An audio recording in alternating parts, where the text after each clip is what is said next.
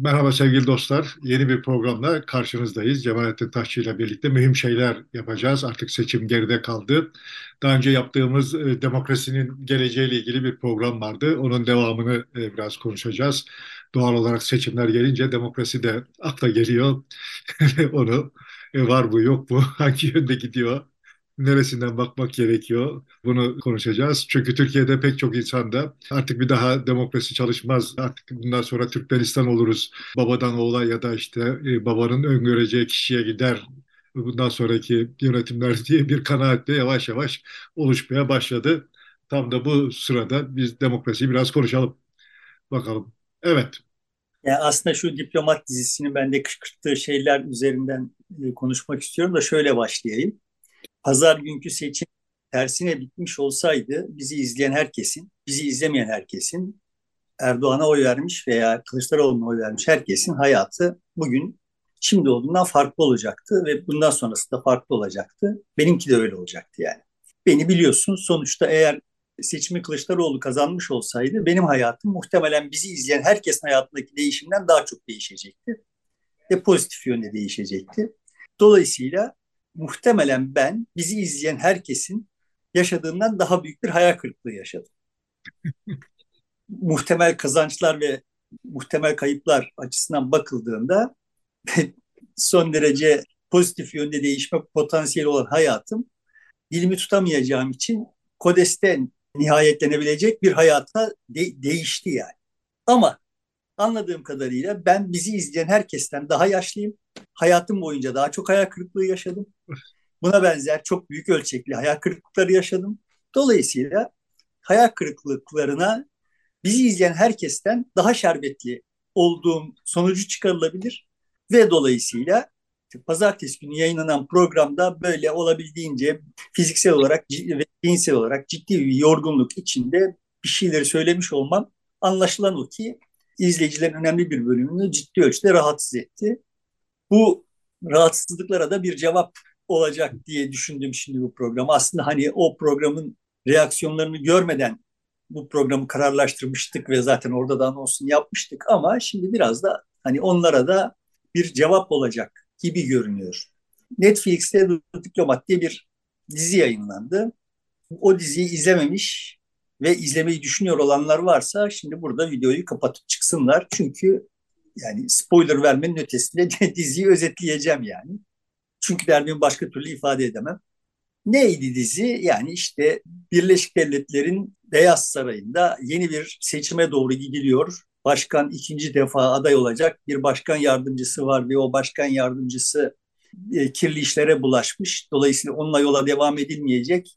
Yeni bir başkan yardımcısı adayı bulunması gerekiyor. İşte başkan, başkanın özel kalemi ve başkanın dostu olduğu anlaşılan bir dış politika Birleşik Devletler'in en makbul dış politika uzmanlarından birisi oturup belki bir iki kişiyle daha kim olabilir diye düşünüyorlar ve o başkanın güvendiği dış politika uzmanı diplomatın eşi yine kendisi de diplomat olan eşinin bu iş için çok uygun olduğuna karar veriyorlar ve orada görüyoruz bu kararı verirken Birleşik Devletler'in akıbeti, Birleşik Devletler için hangisinin daha iyi olacağı filan gibi mevzular değil. İşte kadın olsun, filan. Yani çünkü işte seçmen, seçmene neyi sunacağız, menüye ne koyacağız ki işte biz bu seçimi alacağız gibi mevzular üzerinden böyle bir tercih yapılıyor. Yani Birleşik Devletler'in ihtiyaçları şudur, bu ihtiyaçlara en uygun kişinin hangi vasıflara sahip olması gerekir.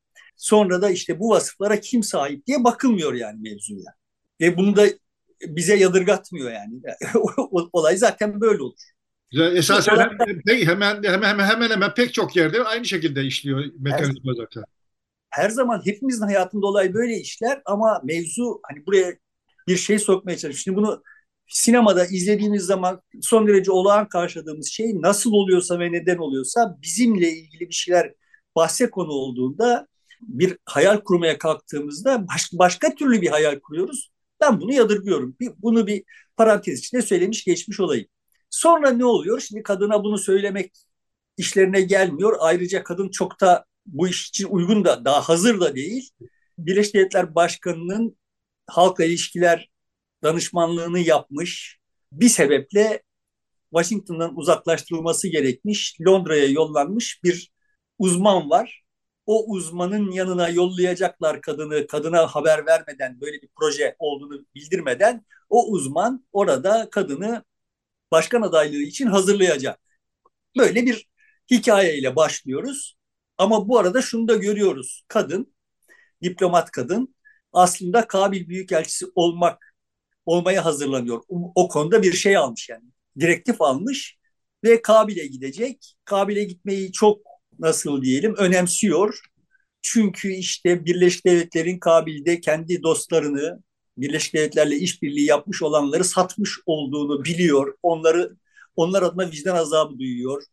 Afganistan'daki kadınların hali, o halin batıdaki kadınların makbul haliyle arasındaki fark vesaireden filan böyle insani kaygılar üreten, son derece vicdanlı, son derece aklı başında hani böyle birlikte uzun yıllar geçirmekten çok hoşlanacağımız türden dost olabilecek türden bir insan yani kadın.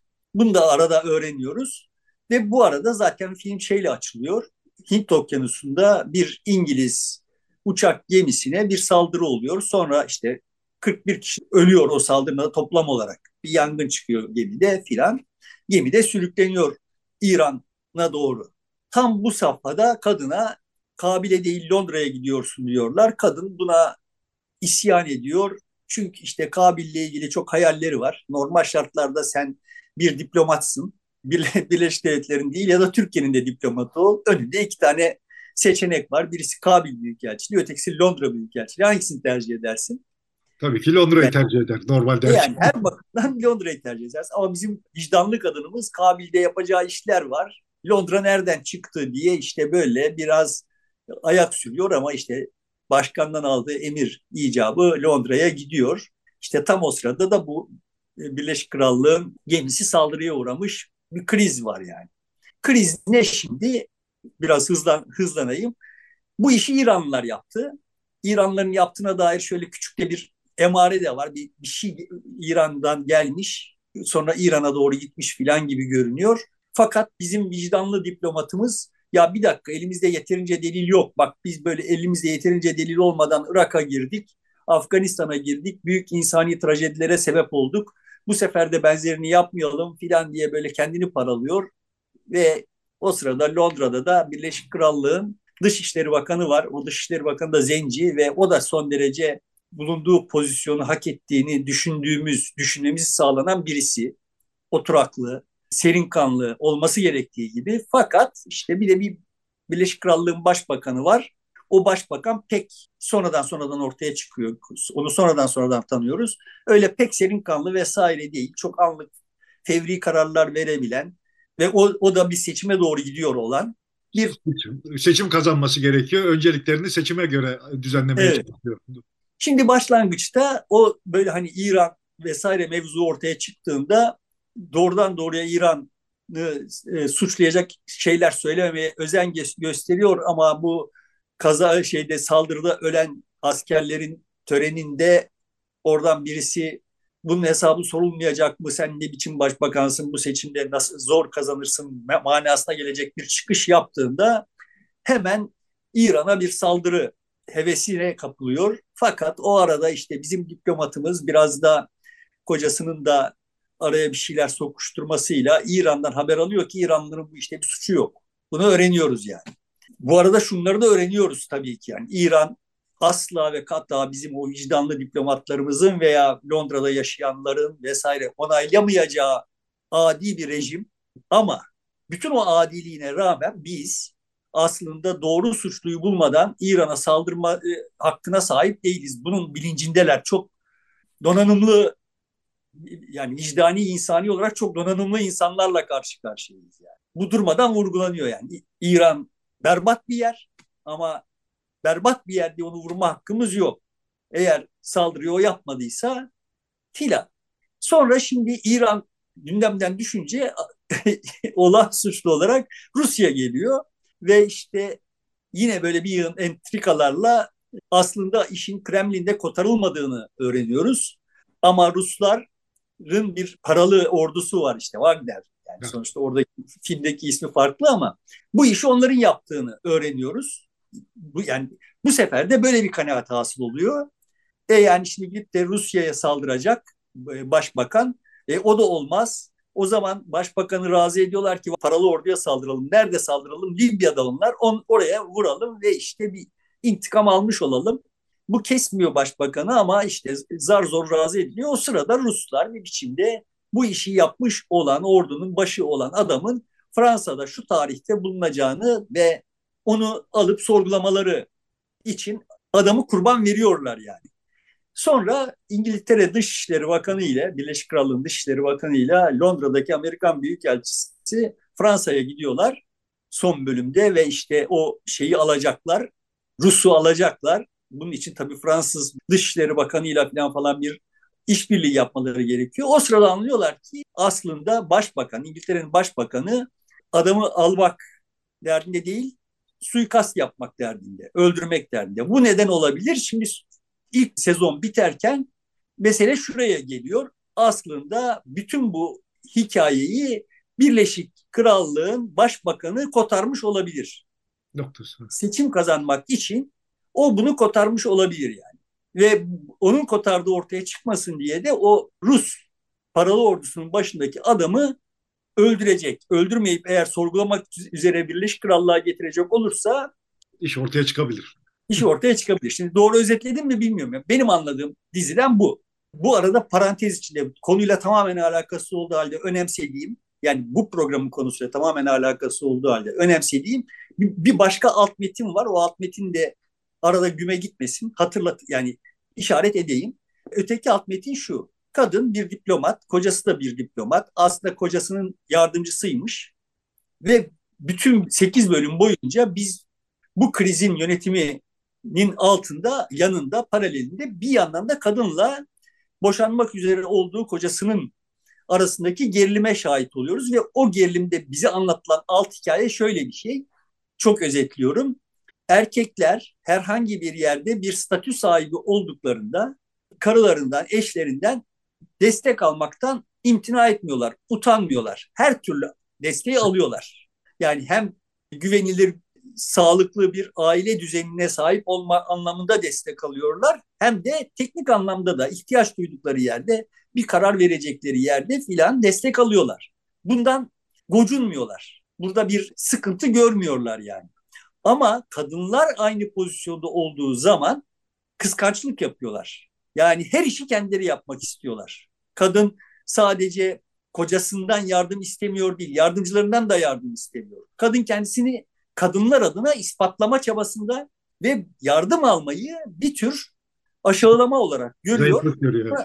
Zayıflık görüyor ama orada şu da var. Kocası daha önce diplomat, saygın bir diplomat. Pek çok işi başarmış. Ee, onun altında ezilmek istemiyor. Onundan yardım alarak iş yapan birisi olmak istemiyor. Ona karşı da aslında rüştünü ispatlama derdinde. Tamam. Yani işte buradan benim gördüğüm bu özel durumdan yola çıkarak genel olarak yetki sahibi kadınların yetki sahibi erkekler gibi davranmadığı, asimetrik bir durum olduğu, kadınların daha böyle kendini ispatlama derdiyle kendi imkanlarını daralttıklarını işaret ediyor. Bu benim açımdan önemli çünkü bu kadınların statülerinin yükseldiği dönemde ve durmadan kadın yanı, yanında pozisyon alınan bir dönemde ya bir dakika ama siz de biraz hani daha az kompleksli olun. daha eşleriniz de ezmeyin. Yani onlar sizin asetiniz, kıymetiniz yani. Deme ihtiyacı hissedilmiş gibi hissettim. Çok gözümüze sokuldu yani bu. Evet. Bunun da anlamlı bir gösterge olduğunu düşünüyorum. Bütün bu ama dizi... giderek e, ilişki düzeliyor ve e, sanki problem çözülecekmiş gibi. Yani o destek alma noktasına doğru yavaş yavaş evriliyor, izlenimi de uyandırıyor. Ya işte bize demiş, demiş olacak ki sonuçta bak kadın olarak eğer bu kadar e, böyle e, kompleksli davranma, davranmazsan hem senin işin daha e, senin hayatın daha kolay olacak hem de işler daha yolunda gidecek. Yani düzelmesi gereken sensin kadın olarak. Demiş olacak. Benim hissettiğim şey bu. Şimdi bunları niye burada konuşuyorum? Ben herhalde izleyenler de katılacaklardır. Bu sinema endüstrisinin, endüstri olarak sinemanın yani bağımsız sinemanın değil, endüstri olarak sinemanın çok masum olmadığını, bizi bir şeylere hazırlıyor olduklarını düşünüyorum hazırladıklarını düşündüğüm şeylerin bir tanesi bu. Önemsiz olanı. Bu, bu video için önemsiz. Bence dünyanın geleceği için daha önemli olan meselelerin birisi bu. Ötekisi bize demiş oluyor ki e, dizi bak kardeşim dünya son derece tehlikeli bir yer. Her yerinde bir barut fıçısı var ve biz bu e, dünyada eğer ipleri sıradan insanların toplumun eline verirsek o toplumdan rey almak zorunda olan siyasetçiler bizim başımızı fena halde belaya sokacak iş maceralara e, karışabilirler. Dolayısıyla ipleri vicdanlı, dünyayı doğru okuyan, insanlığı düşünen, sadece kendisini değil insanlığı düşünen e, ve dürüst, namuslu teknokratlara devretmemiz gerekiyor. Bana geçen şey, e, diziden bana geçen mesaj bu yani. Ve bu benim açımdan benim işitebileceğim en tiksindirici mesaj. En yalan mesaj. Birleşik Devletler Irak'a, Amerikalılar biz Irak'a girelim, girmezsek olmaz. İşte Irak'ta şöyle şunu yapalım falan falan dedikleri için girmediler. Bir takım siyasetçilere, bir takım teknokratlar böyle akıllar verdikleri için girdiler ve bu Irak'a girişe kamuoyunu razı edebilmek için olağanüstü çaba harcamaları gerek. Yani suçlu kamuoyu değil. Amerika'nın Irak'ta yaptığı, işlediği suçların suçlusu kamuoyu değil. Onun suçluları var, kamuoyunu suç ortağı yaptılar.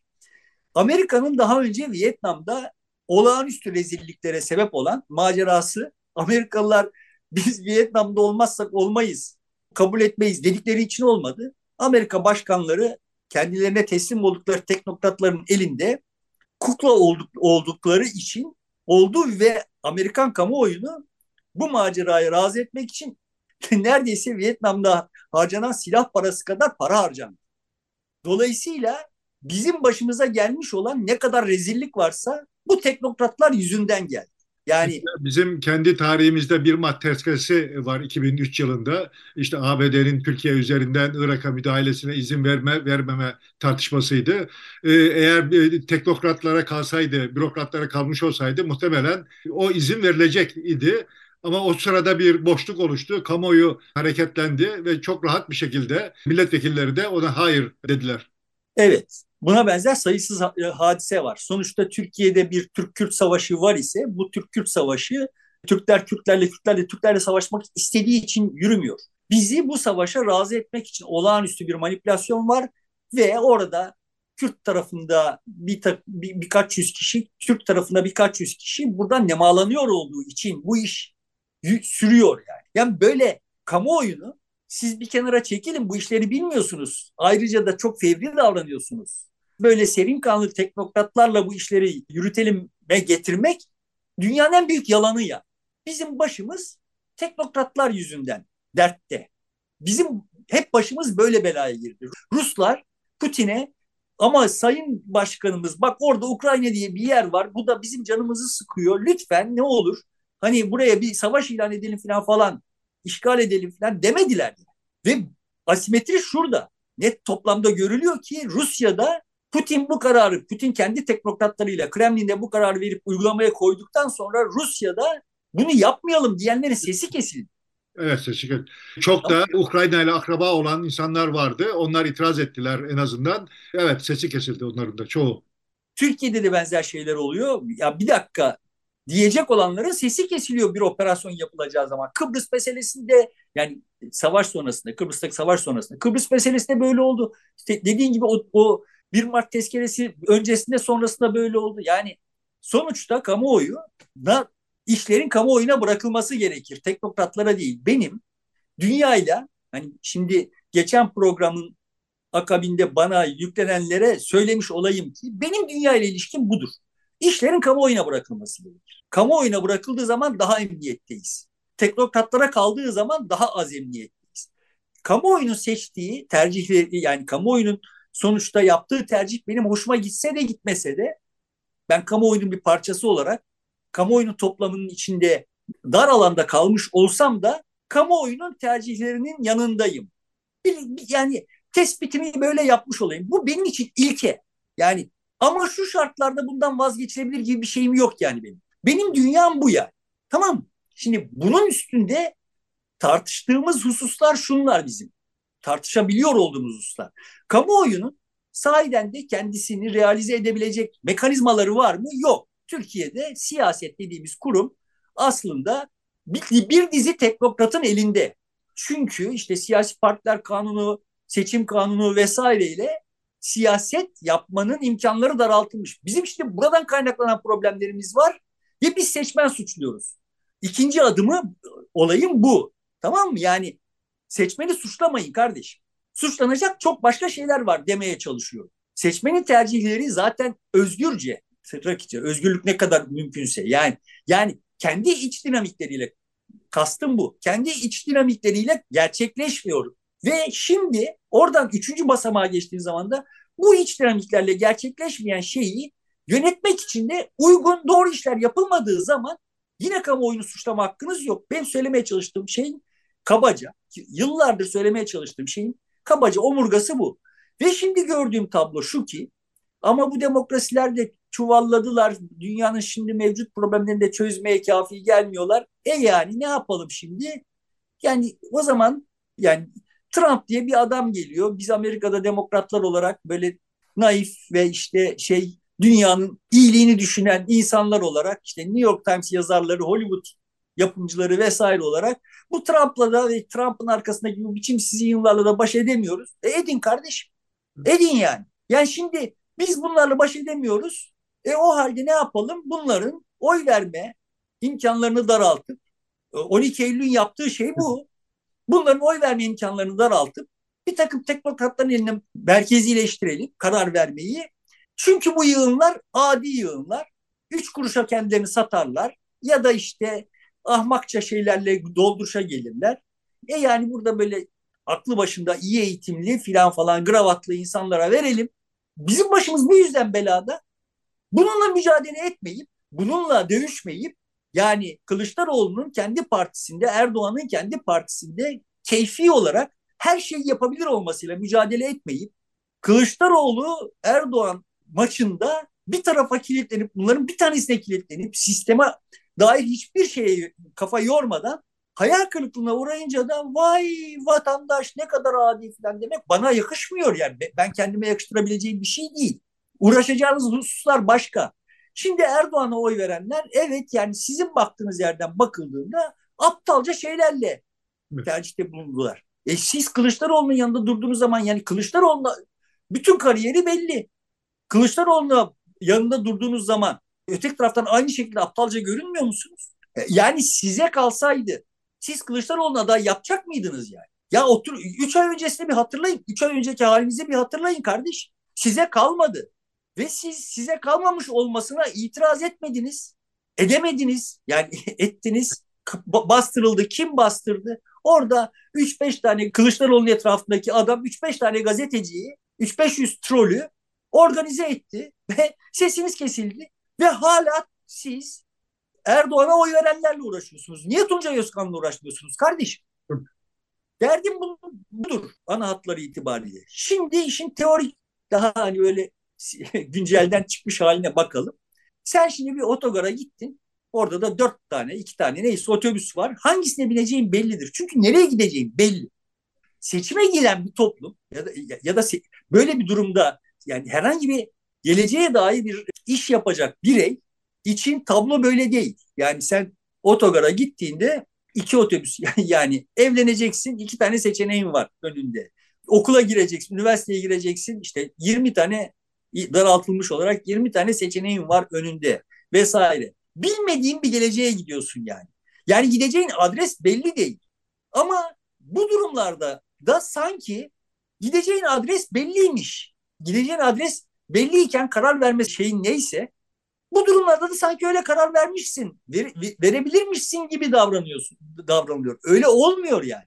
Yani sen iki potansiyel eş adayının arasında seçim yaparken hangisinin seni nereye götüreceğini bilmiyorsun. Halbuki otogarda perona gittiğinde hangi otobüse bindiğinde o otobüsün hangisinin seni nereye götüreceğini biliyorsun. Tamam mı? Yani arada böyle trajik bir fark var. Ve bizim karar verme durumunda olduğumuz birçok durum bizi nereye götüreceğini bilmediğimiz otobüsler arasından tercih yapma durumu. Ötekisi nadir bir durum yani. yani otogara gittiğimizde nereye gittiğini biliyor olduğumuz otobüsler arasında seçim yapma durumu nadir bir durum. Seçim hiç öyle bir şey değil yani. Sen şimdi bu sandığa giderken zannedebilirsin ki işte Erdoğan trenine binersem nereye gideceği belli. Kılıçdaroğlu trenine binersem nereye gideceği belli. Zannediyor olabilirsin. Değil. Tamam yani bilmiyoruz. Bu iki otobüsün iki trenin nereye gideceğini bilmiyoruz. Hiçbirimiz bilmiyoruz yani. yani otobüslerin kaptanları da bilmiyor nereye gideceğimizi. Yani şu anda Erdoğan bütün o gerilimi atlattı ve ya bir dakika şimdi benim opsiyonlarım nelerdi? Nerede neyi yapabilirim? Kimi bakan yaparsam ne olur? Bu bana ne kazandırır? Şu bana ne kaybettirir? Bu arada kime ne fatura çıkartacağım? Hangi gazetecine gazeteci içeri attıracağım? Hangi YouTuber'ı içeri attıracağım filan falan. Bunlarla uğraşıyor. Yani bilmiyordum bütün bunları. Ve hayat durmadan böyle unfold oluyor. Açılıyor önümüzde. Biz adım attıkça Arif Nihat'ın böyle tuhaf tuhaf aforizmaları vardı. O aforizmalardan bir tanesi yolum cebimdedir benim. Çıkarır önüme serer yürürüm idi. Ya hayat öyle bir şey. Yolumuz cebimizde yol yok. Biz açıyoruz, biz yürüyoruz, yol açılıyor yani. Ve seçim böyle bir şey. Bilmediğimiz, nereye gittiğini bilmediğimiz otobüsler arasında tercih yaptık. Benim temel meselem şu. Bak en başta prensip olarak ben buradayım derken ne bağlayarak söyleyeyim yani. Birilerinin şu otobüse, birilerinin bu otobüse, ötekilerin şu otobüse binmesi genel toplamda hepimizin menfaatinedir. Hepimiz aynı otobüse bindiğimiz zaman o otobüs yolda kaza yaptı veya bir yanlışlıkla çöle düştüğünde hepimiz telef oluruz. Ama eğer ayrı ayrı yerlerdeysek ve birilerimiz hayatta kalırsa hayatta kalanlar hayatı zorlaşmış olanlara yardım edebilir vesaire. Oradan bir yol açabiliriz. Ya yani bu yol bu çölde yol açılmıyor kardeşim noktasına varıldığında buradan başka bir yol açılabilir. Birileri bir yol bulup bize haber edebilirler. Gelin bak buradan bir vadi açılıyor işte meyveler var, meyve ağaçları var falan filan diyebilir ve dolayısıyla bu deneme imkanlarının opsiyonların açık kalabilmesi için toplumun farklı farklı kesimlerin olması sağlıklı bir şeydir. Zaten böyle olmasaydı evrim teorisi icabı bu gerçekleşmezdi. Bütün bu, toplumlar böyle. Bu dediğin doğru da ama burada işte aktörler öbür yolun ne kadar kötü olduğunu ve o yolun kapatılması gerektiğini, bunun da hayati bir mesele olduğunu bize vaaz ediyorlar. E, burası iyi değil. Yani öteki yoldan gidenin ne kadar kötü, hain olduğu ifade ediliyor her iki taraf tarafından. Bunu kim yapıyor? Yani bunu şimdi Erdoğan'a oy verenler yapmıyor. Değil, bunu değil tabii. Kılıçdaroğlu'na oy verenler yapmıyor. Erdoğan'a oy verenler Kılıçdaroğlu'na oy verenlerden nefret ediyorlar. Kılıçdaroğlu'na oy verenler Erdoğan'a oy verenlerden nefret ediyorlar. Ama kimse birbirinin gırtlağını sıkmaz. Bu nefreti her gün yeniden büyüten bir bir şey var. Tamam şimdi geçen Demokrasinin Geleceği programında konuştuğumuz hadise şuydu yani. Onu da hatırlatayım. Şimdi Ortega Gasset, Gasset bir kitap yazıyor. Kitabın adı Yığınların İsyanı.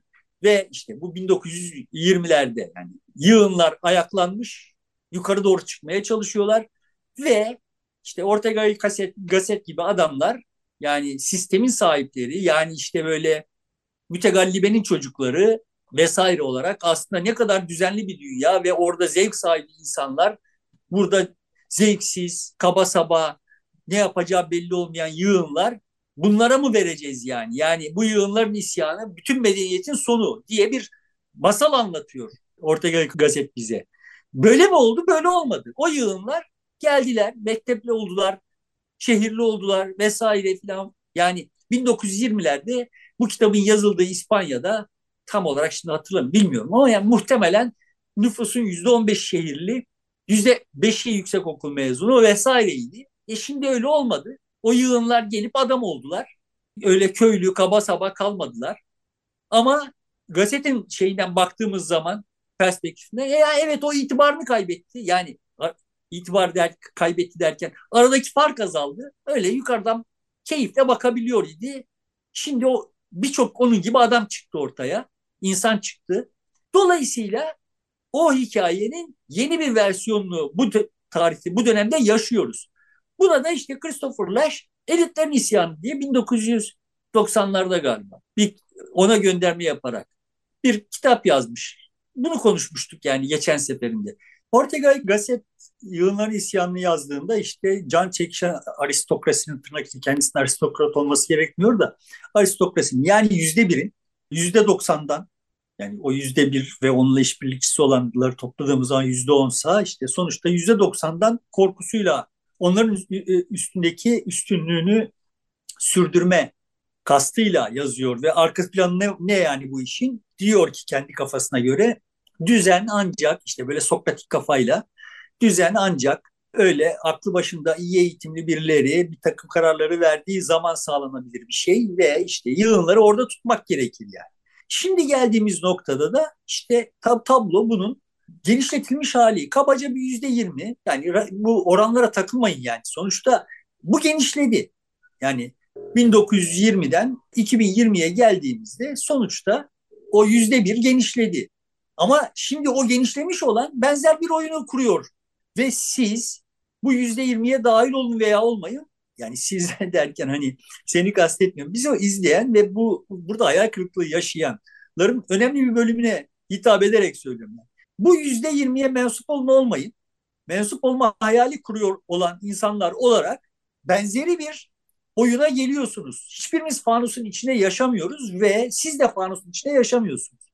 Sonuçta o insanların karar süreçlerinde neler oluyor ise benzerleri sizde de oluyor ve siz oradan bir sonuca varıyorsunuz ve bu sonuca varırken arka planda yatıyor olan şey, kışkırtılıyor olan şey yani nasıl Erdoğan o yığınlarda size karşı düşmanlığı kışkırtıyor ise sizde de birileri o yığınlara karşı düşmanlığı kışkırtıyor.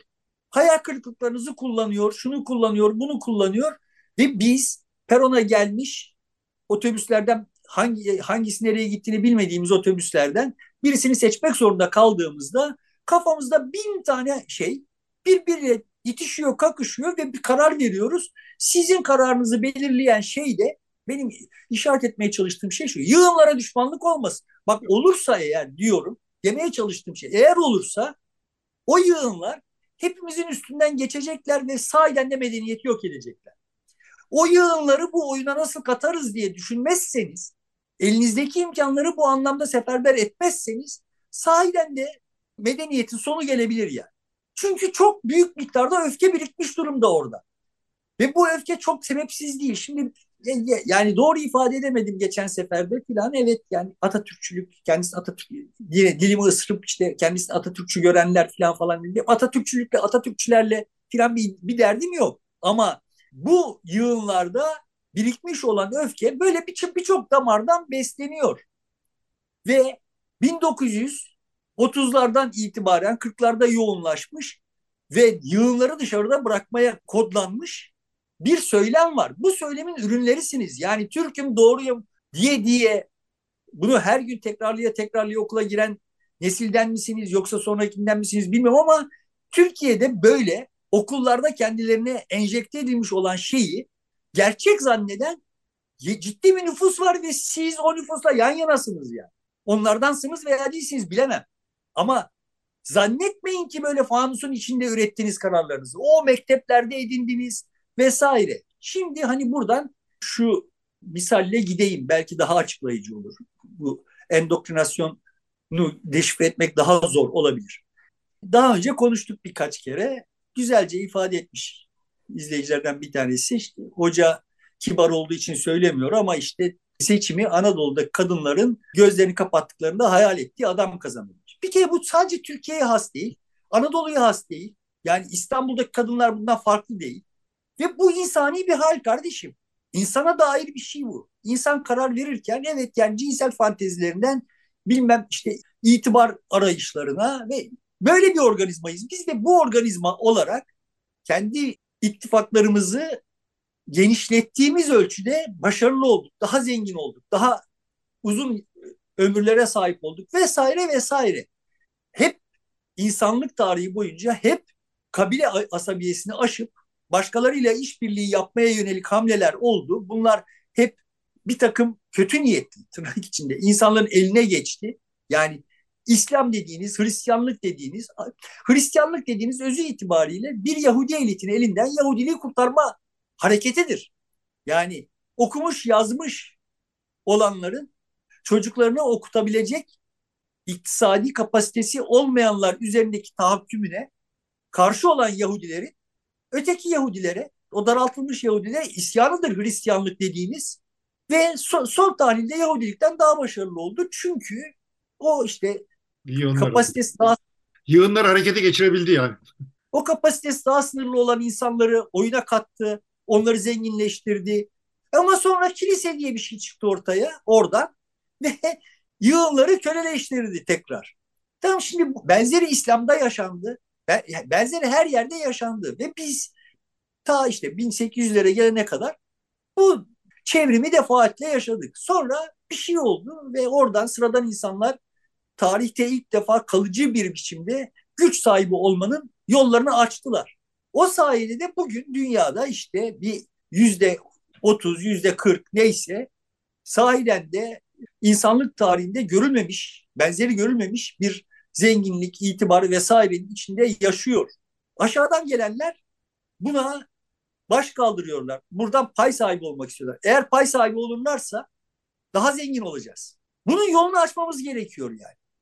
Bu insanların şimdi böyle çok kaba saba olmaları falan falan bir şey bir mana taşımıyor. Çünkü evet Yahudiliğin yani İsa e, ortaya çıktığında evet o Yahudi elitler sahiden de okuma yazma bilmeyen kalabalık, kalabalık Yahudi yığınlardan daha nitelikli, daha vasıflı bilim konusunda, sanat konusunda filan açık ara daha öndeydiler. Ama yani sonuçta ötekiler de bu işi yapabiliyorlarmış gördük. Yani kendinizde böyle bir takım üstünlükler vehmetmeyin. Konjonktür icabı siz e, daha prestijli okullara gidebildiğiniz için olmuş olan falan bir şeyler bunlar kardeşim. Ötekiler de sizin şanslarınıza sahip olacak olsalardı onlarda da olacaktı bu iş. Ve bu öfkeye sahip olmayacaklardı. Şimdi öfkeliler. Öfke de kötü bir şey. Öfkeli oldukları için de onlardan onlara kızıyorum. Ama hesabı Burada şöyle onların e, yığınların bir kesiminin e, öfkeli olması çok anlaşılır bir şey ama bu öfkeyi e, kışkırtarak diğeri üzerine kullanmak ve e, oy toplamak için bunu aletleştirmek, e, araçlaştırmak e, doğru bir şey değil. Ona kızalım. Ben evet. de diyorum ki bak kardeşim Erdoğan'a kızın. Erdoğan'ın yanında olup böyle durmadan işte köpekleriyle evlenecekler filan geyikleri üzerinden bunu kışkırtıyor olan zevzeklere kızın.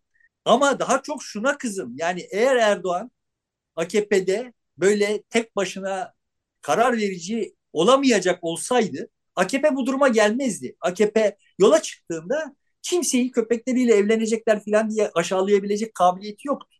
Kimseyi ötekine karşı bu kadar kışkırtamıyor idi. Toplum bunu istemiyor idi yani.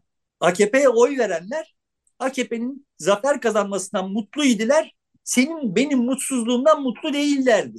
Onları bizim mutsuzluğumuzdan başka hiçbir mutluluk imkanı kalmayacak hale getiren Erdoğan'dır ve Erdoğan'a bu imkanı sağlayan parti içi demokrasinin yokluğudur. Eğer parti içi demokrasi olsaydı Erdoğan bu yola tevessül ettiğinde partinin içinde birkaç kişi çıkacaktı ki ya kardeşim bu Türkiye'ye kötülüktür. Yani bunu da bizi düşündüğünden söylemeyecek.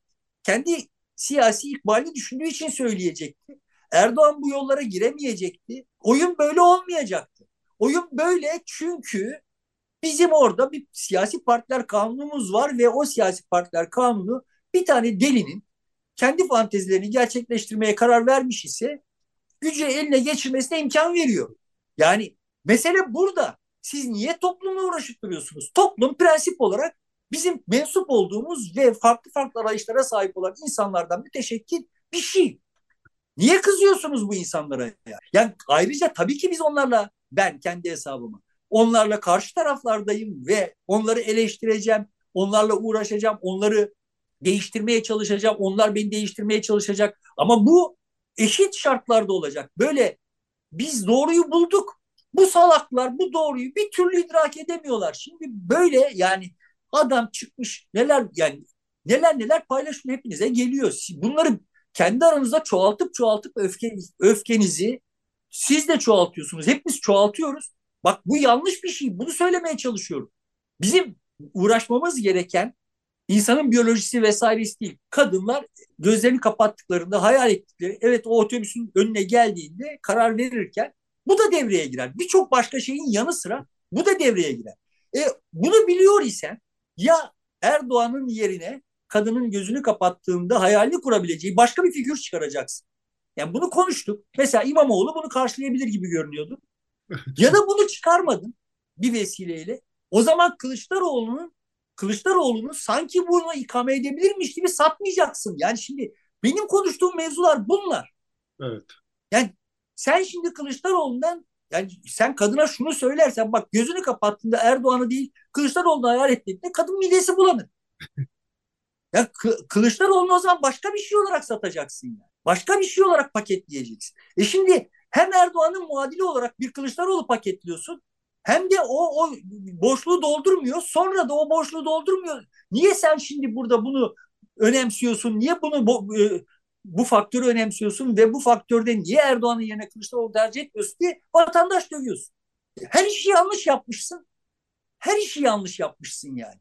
Yani geçen programda söylemeye çalıştığım metaforla bir daha söylemeye çalışayım. Sonuçta her hikaye bir tarihin ürünü. Yani Galatasaray diye bir kulüp var ise bu kulüp bir tarihin ürünü. 1960'larda şunu yapmış olmuş olmasaydı, 70'lerde bu olmuş olmasaydı, işte filanca tarihte Metin Oktay transfer edilmiş olmasaydı, şimdi Galatasaray başka bir tür, başka bir şey olacaktı yani. Galatasaray taraftarlarının profili de başka olacaktı. Yani Metin Oktay Galatasaray'a transfer oldu diye bütün İzmir sporlar Galatasaraylı oldu. İzmir'de birçok Galatasaray taraftarı oldu vesaire yani.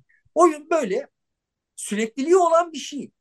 Bu sürekliliğin içinde her sezonun kendisinin kendi başına bir anlamı var. Çünkü işte hayat diskret, kesikli, transfer sezonu diye bir şey var. O transfer sezonunda transfer yapıyorsun, sezon planlaması yapıyorsun. Transfer sezonu bittikten sonra ya bir dakika ben bunu yanlış yapmışım deme şansın yok. Dolayısıyla her sezonun kendisinin bir hikayesi var. O her sezonun içinde her maçın kendisinin bir hikayesi var. Şimdi bu farklı zaman perspektiflerindeki hikayenin içinde bir seçimden önce oturmuşuz neyi konuşuyoruz? Bu maçı konuşuyoruz. Bu maçı konuşurken bak bu maça biz şöyle geldik çünkü sezon başında şunları yapmıştık ve sezon başında şunları yaptık çünkü paramız yoktu. Çünkü şu tarihlerde şu hataları yapmıştık 30 yıl önce. Filanların içine yedirmeye çalışıyorum. Tamam ya mevzuyu. Ve ta, hayat böyle bir şey. Sen şimdi elindeki bütçenin ne olduğunu bilmeden transfer yaparsan o transferler yüzünden bu maçta başın de, derde giriyor ise ve bu başının derde girmesine taraftara yüklemeye kalkıyorsan o zaman yanlış yapıyorsun. Yani bu maç şimdi bu şekle sıkıştı çünkü sezon başına planlamayı yanlış yaptın. Çünkü senin bütçen zamanda yaptığın şu hatalar yüzünden bu kadar dar. Bunları birbirinden ayırmak zorundasınız. Bunları bilerek oynamak zorundasınız oyunu. Benim derdim gücüm bu. Yani bak bunları bilmemiz gerekiyor. Şimdi bunları bilmeden kendi afaki ama insan seçim kararını verirken cinsel fantezilerini buna karıştırmamalı. Yok öyle bir dünya. Hepiniz karıştırıyorsunuz her şeyinizi birbirine. Siz zannediyorsanız ki biz karıştırmıyoruz. Öyle bir dünya yok yani. Herkes hiç alakasız faktörleri birbirine karıştırıyor. İnsan biyolojisi böyle bir şey karar verme süreçleri böyle şeyler. Biz karar verirken her birimiz karar verirken tekrar en başa döneyim. Öyle ha şimdi biz nereye gideceğimizi biliyoruz. Oraya gidecek otobüsler de önlerinde yazıyor. Perona gideceğiz. Bizim gideceğimiz İzmir'e gidiyorsak İzmir'e, Erzurum'a gidiyorsak Erzurum'a giden otobüse bineceğiz. Öyle bir dünya yok. Öyle bir dünya varmış gibi davranıyorsunuz. Yok öyle bir dünya. Hiçbirimiz nereye gideceğini bilmiyoruz sizin kaygılarınızdan, korkularınızdan başka kaygıları, korkuları olan insanlar var. Bu kaygıların, korkuların bu kadar fütursuzca kışkırtılabiliyor olmasına itiraz ettiğiniz zaman sizin kaygılarınızın, korkularınızın da bu kadar fütursuzca kışkırtılabiliyor olmasına itiraz etmeniz gerekiyor. Edebiliyor musunuz? Etmiyorsunuz. Sizin kaygılarınız, korkularınız saygı değer, başkalarının kaygıları, korkuları saygı değer değil. Yok böyle bir dünya yani. O kaygılar, korkular benim paylaştığım kaygılar, korkular değil. Buna hiçbir itirazım yok. Yani AKP'ye, Erdoğan'a oy vermiş olanların kaygıları, korkuları benim paylaştığım kaygılar, korkular değil. Ama er, Kılıçdaroğlu'na oy verenlerin kaygıları, korkuları da benim paylaştığım kaygılar, korkular değil. Benim kaygılarım, korkularım çok farklı. Anlatmaya çalışıp durduğum şey yani ben son derece yalnız bir adamım yani. ben korkuyorum ki bu salaklıklara iki tarafında bu salaklıklarını kışkırtıp duranlar yüzünden işte bu salak Amerikan demokratları bütün dünyada demokrasi demokrasi havarisi kesilen Amerikan demokratları bütün dünyada demokrasi imha edecekler ve sistemi teknokratların elinde bırakacaklar. Teknokratların neler yapabileceğini biz defalarca gördük yani. Yani top, hiçbir toplumun hayal edemeyeceği kötülükleri yapabilirler. Her toplum ve her fert kötüdür. Her toplumda her fertte kötülük potansiyeli vardır. Tamam mı? Yani başa sıkıştığı zaman insanlar başka insanlara olmayacak kötülükleri yapabilirler. Te- teknik olarak bizim bir kabile asabiyesinden çıkıp böyle medeniyet kurabilmemiz o insanların başkalarına, kendilerinden olmayanlara zarar verme potansiyelini kontrol etme diyelim. Şöyle anlatayım yani. Yine Netflix'te e, Şempanze İmparatorluğu diye bir belgesel dizisi var. Yani herkes izlemesini tavsiye ederim. Orada bütün bunların en alttaki determinatı görülüyor yani. Baktığınız zaman şempanzelerin, şempanze kabilesindeki bireylerin birbirlerine karşı duruşları vesaireleri falan, falan baktığınız zaman hikayenin tamamını görüyorsunuz. Orada işte bir tane alfa erkek var. Tüyleri en parlak olan o. En güçlü olan o. En güçlü olduğu için alfa erkek olmuyor. Bir mücadelenin içinde yaralana yaralana çıkıyor. Oradan bir alfalık elde ediyor. Alfalık elde ettiği zaman onun o daha gelişmiş bir şey oluyor. Daha parlak tüylü bir şey oluyor. Hayat böyle yani. Ve bunun için mücadele ede gelen bir türün mensubuyuz biz. Ne olmuş? Bize denmiş ki biz kendi işi kendi kendimize bunu keşfetmişiz ki yani böyle basit küçük kabileler olarak diğer kabilelerle savaşa savaşa alabileceğimiz yol sınırlı. Dolayısıyla şimdi bu kabileleri birleştiren devletler kurarsak işler daha iyi olacak. Kurmuşuz ve daha iyi olmuş. Şimdi başlıyor buradan birileri. O devlet kuruldu işte orada mülkiyet ve kardeşim eğer senin dediğin gibi yaşanacak olsaydı biz hala kabileler olarak birbirimizi gırtlaklıyor olacak. Oyunun olabiliri bu yani. Senin hayal ettiğin şey fantezi. Oyunun olabiliri biz işte kabileler bir araya gelecek. Birbirimizi gırtlaklamayacağız. Öteki devleti gırtlaklayacağız. Sonra devletler bir araya gelecek. imparatorluklar olacak. Sonra yani imparatorlukları imparatorlukları geçeceğiz böyle ulus devletler olarak ama birbirimizi gırtlaklamadan yaşayacağız. Yani ekonomik olarak vesaire mücadele edeceğiz. Ama yani işbirliği yapacağız, rekabet edeceğiz ve bunu böyle buraya kadar getirmişiz. Şimdi bize gelecekler bizim kötülük potansiyelimizi sonuna kadar istismar edebilecek bir takım teknokratlarla teknokratlara sistemi devredecekler. Benim kaygım bu. Sizin kaygılarınıza hiç benzemiyor. Ötekilerin kaygılarına da hiç benzemiyor. Sizinki niye bana benimkine benzemiyor diye ben size içerleyemem. Siz de bana içerleyemezsiniz. Kimse kimseye bu anlamda içerleyemez.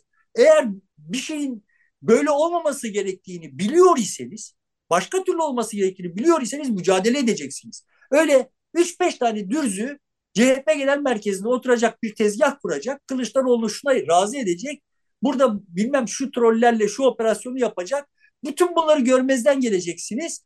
Ama ötek tarafta bak şunlar oluyor. Süleyman bu Fahrettin şu oyunu kuruyor. E, Fahrettin'e karşı Tuncay Özkan'ın imkanlarının daha dar olduğunu bilmeden oyuna girmişseniz başınıza gelenler razı gelin yani. Niye Fahrettin'e kananlara, Tuncay Özkan'a kanmış olanlar olarak içerleyip duruyorsunuz yani.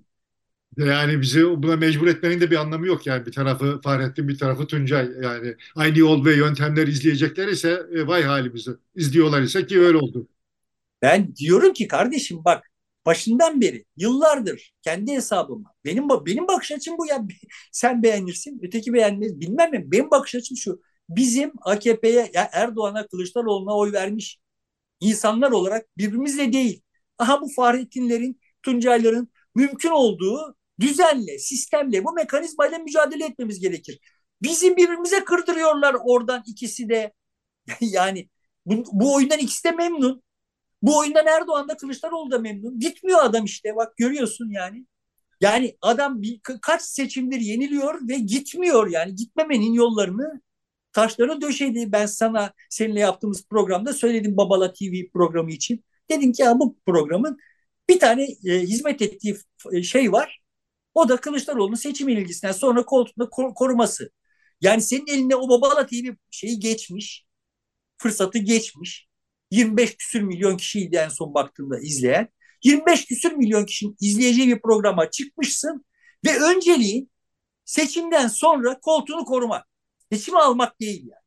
Ben benim baktığım, ben seçim sonucu ortaya çıkmadan önce söyledim bu lafı. Benim baktığımda gördüğüm tablo buydu. Kılıçdaroğlu'nun önceliği bu. Şimdi kardeşim yani siz o fırsatı değerlendirmeyen adamın o fırsatı değerlendirmemesini konuşmaya çalıştığım zaman tamam da kardeşim orada Erdoğan'a oy verenler demenin bir manası var mı? Adam üstüne düşeni yapmamış kardeşim. Sizin kendi hayallerinizi endekslediğiniz adam üstüne düşeni yapmamış. Ve niye bu böyle oluyor üzerine kafa yorulması gerekiyor. Yani. ya isterseniz yine siz ama yani Erdoğan'a oy verenler niye oy veriyor? Kaç paraya oy veriyorlar falan bunları düşünün yine yani siz bilirsiniz. Çok defansif bir program oldu bağışlayın. Sen de bağışla. Eyvallah biraz. Derdim bu değilken. Benim derdim sahiden demokrasilerin çok teknokratların sahtekarlıklarının riski altında olduğunu konuşmak idi. Yani onu da söylediğimi zannediyorum. Tabii bir Ama yani aklımızı başımıza toplamazsak başımıza gelecek olan hikaye evet yani bu teknokratlar siz bir kenara çekilin bakalım sizin için neyin iyi olduğunu biz biliyoruz diyecekleri bir dünya kurmaya teşebbüs edecekler ve bunun yaratacağı enerji birikiminin birikimi hepimizi yakar yani. Şimdi ama yani teknokratları biz hep işte bürokraside falan diyebiliyoruz ama şimdi siyasi partilerin içerisinde de teknokratların olduğunu görüyoruz. Bu CHP'de çok daha belirgin. Sokaktan gelen, e, siyasetin içinden gelen Erdoğan da e, giderek bir teknokrat e, oldu. E, siyaset yapıyor değil şu anda. Teknokrat olarak orada var. O yüzden biraz da bu sıkıntıların içerisindeyiz galiba. Ya 2013'te Erdoğan yani ondan önce altyapısını yapmıştı da 2013'te net bir biçimde kendisini teknokratlara teslim etti. Erdoğan rehin. Erdoğan kendisi rehin. Bizi ülke olarak uluslararası camiaya rehin etti. Yani şey son derece net. Yani Erdoğan'ın kendisine oy verenlere oy verenleri bile hesaba katmadığı son derece net yani. Ve bu, bunu şimdi konuşmuyoruz ki hep konuşuyoruz yani. Hep konuştuk. Bizim mücadele etmemiz gerekiyor olan Erdoğan. Erdoğan'a oy verenleri istismar ediyor Erdoğan ve Erdoğan'la mücadele etmemiz gerekiyor bizim. Ama biz Erdoğan'a oy verenlerle mücadele ediyoruz. Benim Zaten yani e, Erdoğan'la Kılıçdaroğlu'yla da değil de onların teknokratlığıyla e, mücadele etmemiz lazım. Sistemle mücadele etmek gerekiyor. Evet yani şimdi faz faz yani dediğim gibi. Yani sonuçta sistemle mücadele etmek gerekiyor. Bu sistemle mücadele etmek için e, bu sistemden istifade ediyor olan Erdoğan ve Kılıçdaroğlu'yla mücadele etmemiz gerekiyor. Ve evet yani işte buradan bir zihniyetle mücadele etmeye çalışıyorum ben. Yani aydınlanma aklı dediğim şey evet yani işte bu zihin, bunu mümkün kılan zihniyet. Bunu içimize sindirebiliyor olmamızı sağlayan yani bizim aslında şeyi çıplaklığıyla görmemize mani olan bizim başımıza ne geliyor olduğunu bu belaların nereden geliyor olduğunu görmemize mani olan şey bir zihinsel kod. Bu zihinsel kod aydınlanmaklı. Benim benim bakış açım bu. Yani Peki şimdilik burada biraz e, ara verelim, biraz nefeslenelim, dinlenelim. Hafta sonunun programına kadar biraz tazelenmiş, güçlenmiş oluruz. Sevgili dostlar burada bitiriyoruz. Desteğinizi bekliyoruz. Şimdilik hoşçakalın, sağ olun.